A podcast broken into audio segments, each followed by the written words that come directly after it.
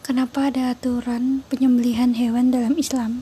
Faktor utama adalah karena hewan darat memiliki darah sehingga harus disembelih.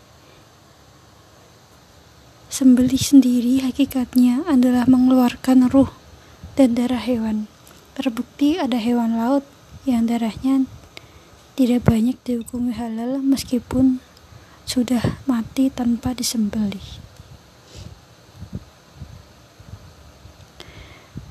Ada satu hadis yang artinya dari Abdullah bin Umar bahwa Rasulullah Shallallahu Alaihi Wasallam bersabda, telah dihalalkan bagi kita dua bangkai, ikan dan belalang.